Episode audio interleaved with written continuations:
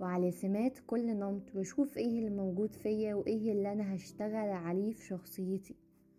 ومن أساليب التواصل دي أول أسلوب معانا هنا الأسلوب السلبي. إن هو مش بيتكلم عن احتياجاته الشخصية لا يتحدث عن احتياجاته الشخصية لا يطلب ما يريد مش بيطلب الحاجات اللي هو محتاجها أو الحاجات اللي هو عاوزها. دايما بيواجه صعوبة في التعبير عن مشاعره وعن رأيه ودايما بيبقى متردد. بيلاقي صعوبة في رفض طلبات الآخرين. وأنا هنا مش بنوه على إن إحنا نقول لأ على الفاضي وعلى المليان. إحنا هنا بننوه على نقطة مهمة جدا وهي إن أنا بلاقي صعوبة فعلا إن أنا أرفض بطريقة مهذبة مثلا أو أرفض بطريقة وأتكلم بطريقة لطيفة أقول إن الفعل ده مش مناسب ليا. حاجة تاني إن هو بيتماشى مع الأمور التي لا تروقه. بمعنى أنا بتماشى مع الأمور كده حتى لو هي مش عجباني لمجرد إنه الجروب بتاعي متماشي معاه لمجرد إنه ده ترند وكلنا ماشيين كده لمجرد إن الناس كلها بتعمل كده فأنا كمان هعمل كده. عشان أبقى جزء منهم. طيب هو لو تعرض برضو للسخرية بيتظاهر إنه I don't care أنا مش مهتم أصلا ومش فارق معايا وهو أساسا بيبقى بيغلي من جواه. آه بيحول دايما النزاع لداخله. يعني إيه بيحول النزاع لداخله؟ هنا ممكن تبقى النقطة دي ريليتد قوي بجلد الذات اللي هو لو أي مشكلة حصلت فأنا السبب فيها. لو أي مشكلة هتحصل أنا السبب فيها. دايما بيلاقي نفسه سبب في المشكلة وإن هو السبب في أي حاجة وكل حاجة عشان يتهم نفسه بالتقصير. بيهرب من علاقته بعد أن يشعر بالضغط والإحباط. اول لما يحس إنه اتضغط وأحبط بيلاقي إن أسرع وأسهل وأول قرار بيجي في دماغه إنه يهرب. يهرب من العلاقة. بيتواصل بطريقة غير مباشرة. لأنه أساسا مش متصل داخليا عشان يقدر يعبر عن احتياجاته. ده كان أول نوع من أنواع التواصل. وبالمناسبة آه ليه برضو آه نوع تاني غير اسم التواصل السلبي. أو ليه ديسكريبشن تاني وهو انسحابي لأن هي دي شخصيته لأن زي ما قلنا من شوية إن هو بيهرب لما بيتضغط تاني نوع من أنواع التواصل هنا التواصل العدواني جوه دماغه. أنت صح والباقي غلط. يعني إيه أنت صح والباقي غلط؟ يعني أنا الوحيد اللي صح والناس دي كلها غلط. وإنه بيسعى للانتقام دايما. وإنه دايما بيحاول التحكم في سلوك الآخرين بمعنى بيحجم تصرفاتهم. أنت كان المفروض تتصرف وتعمل كذا وأنت المفروض تعمل كذا. بيميل للسيطرة جدا. بيسخر دايما ويهين اللي حواليه. دايما عنده آراء الناس المفروض تتصرف إزاي زي ما قلنا من شوية إن هو عنده نزعة سيطرة. لا يعتذر. هيتعامل عادي جدا وكأن مفيش حاجة حصلت إنما يعتذر أو يعترف بغلطه مستحيل. لو كان في نزاع دايما بيحاول يخلي الناس تقول إن هو صح. يعني أنا هتشقلب وهعمل كل حاجة ممكن تتعمل عشان أخليكوا تقتنعوا إن أنا صح وإنتوا اللي كلكوا غلط. طب لو كان غاضب أو متعصب بيزعق وبيسعى دايما للانتقام زي ما قلنا. بيستعرض قوته.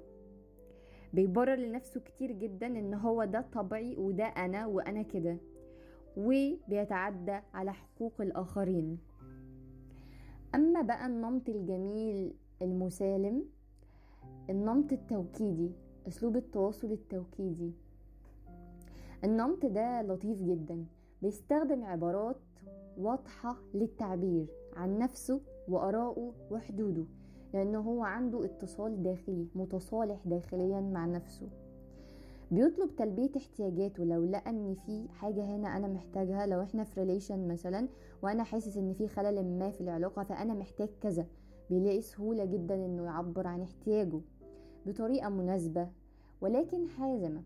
بيراعي احتياجات الآخرين ومشاعرهم. بيقدر يقول لأ لما يحتاج.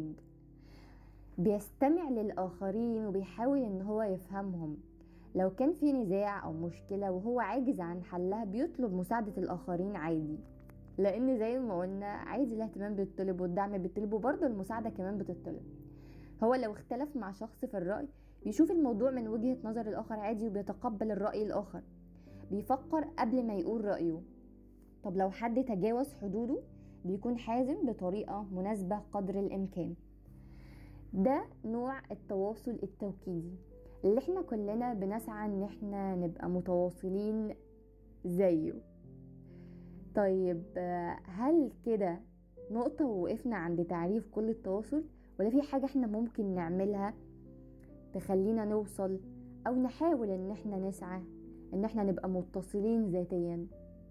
في الحقيقة في حاجة اتكلمنا عنها برضو في حلقات فاتت حاجة كده اسمها جدول الرصد. إن إحنا بنشوف إيه الموقف اللي حصل إمتى وفين ومع مين والسلوك اللي إحنا اتصرفناه اتصرفنا إزاي. وبما اننا تعرفنا على انواع التواصل فهنعرف هنا نوع التواصل بتاعنا كان نوعه إيه. وبعد كده هنحدد صعوبة التغيير. هل أنا هعرف أغير؟ بنسبة كام من صفر لعشرة هقدر أغير أسلوبي في الموقف ده. الأسباب اللي فاتت دي كلها كانت أسباب انخفاض التوكيد. أسباب انخفاض التوكيد دي بتبقى من حاجات كتير قوي زي تحجيم الاستحقاق. تحجيم الاستحقاق ده اللي هو انت ما تستحقش أكتر من كده وده بيبقى راجع لأسلوب التربية. نحجم رأي الطفل نحجم حقه إنه يعبر عن رأيه أصلا نمنعه إنه يتكلم أو يقول رأيه. ومصطلحات كتير دارجة قوي بنستخدمها هنا زي إن السكوت علامة الرضا. في الحقيقة هو السكوت مش علامة الرضا. ممكن السكوت ده بالنسبة لي أزمة إني مش قادر أعبر عن رأيي أو إني في يوم من الأيام اتمنعت إني أقول رأيي. فإن السكوت هنا مش رضا أبدا على قد ما إن هو بالنسبة لي أزمة. تاني سبب من أسباب انخفاض التوكيد هو التفرقة بين الأبناء إني بفرق بين أولادي أو إني بفرق بين الأخوات. بعامل ده معاملة وبعامل ده معاملة تانية خالص. والموروث الثقافي لو إحنا اتربينا على كده وانتوا كمان لازم تتربوا على كده. آه ومدح الصمت. مدح الصمت ده ممكن يبقى بالنسبة للبعض. دي حاجة كويسة. يعني هو ظاهره كويس لكن لو تعمقنا في معنى مدح الصمت مش هنلاقي إن هو كويس. يعني مدح الصمت إن أنا ألاقي طفل قاعد ساكت اللي هو الله ده برافو عليه ده مؤدب شوفوا عامل إزاي. لكن في الحقيقة هنا الصمت ده ممكن يولد شخصية ضعيفة. مش طبيعي إن الطفل يفضل قاعد ساكت صامت. دي مش طبيعة الأطفال. آه برضو من ضمن أسباب نقص التوكيد أو أسباب انخفاض التوكيد عملاقة الناس. عملاقة الناس هنا بالألقاب. الدكتور فلان البشمهندس فلان الأستاذ فلان. وكأني بأمر اللي قدامي إنه يتحط في قالب معين وإنه ممنوع يبقى حاجة تانية غير القالب اللي أنا برسمه ليه. تكاد تكون ظاهرها طريقة تشجيعية بس في الأساس أو في الأصل لو بصينا فيها هنلاقي إن هي طريقة تشجيع نقدية. وعمر نتائجها ما هتبقى بالنتائج اللي أنا عايزها على قد ما نتائجها هتبقى عكسية لأن عمر طريقة النقد ما بنت شخصية. في النهاية إحنا كلنا كبشر محتاجين نتواصل مع بعض وعلشان نتواصل مع بعض بطريقة صحية محتاجين نتواصل مع نفسنا الأول. محتاجين نقعد مع نفسنا قاعدة ونشوف إحنا أنهي نوع من أنواع أو من أنماط التواصل. أنهي صفة فينا من أنماط التواصل مش عايزينها مش عايزين نبقى الشخصية دي مش عايزين نبقى بالنمط ده. أو أنهي صفة بالنسبة لنا مؤذية ومش قادرين نتعايش معاها ونحاول إن إحنا نعدلها أو نغيرها. ونفتكر دايما إن أكتر حاجة هتساعدنا هنا هو جدول الرصد. جدول الرصد اللي أنا برصد فيه الموقف اللي حصل إمتى وفين وإزاي. إحساسي ساعتها كان إيه؟ نمط التواصل بتاعي ساعتها كان إيه؟ إيه اللي أنا عايزه أغيره وهغيره إزاي؟ التغيير دايما بيبقى صعب لكن مش مستحيل. الخطوة الأولى دايما هي الأصعب ولكن فيما بعد بعد كده كله سهل إن شاء الله. اللي عايزين نقوله أو اللي عايزين نوصل له إن دايما دايما كل خطوة مهما كانت صغيرة فهي بتفرق. كان معاكم حبة الكريز. حياتكم فيها أمل. وفي نهاية البودكاست كنت معاكم في 15 حلقة. كل حلقة فيهم عشت فيها معاكم مواقف كتير حكيت عنها وما حكيتش عنها. استدعيت فيها حسيس كتير.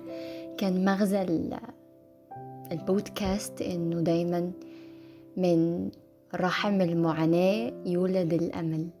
من قلب الألم بيتولد الأمل.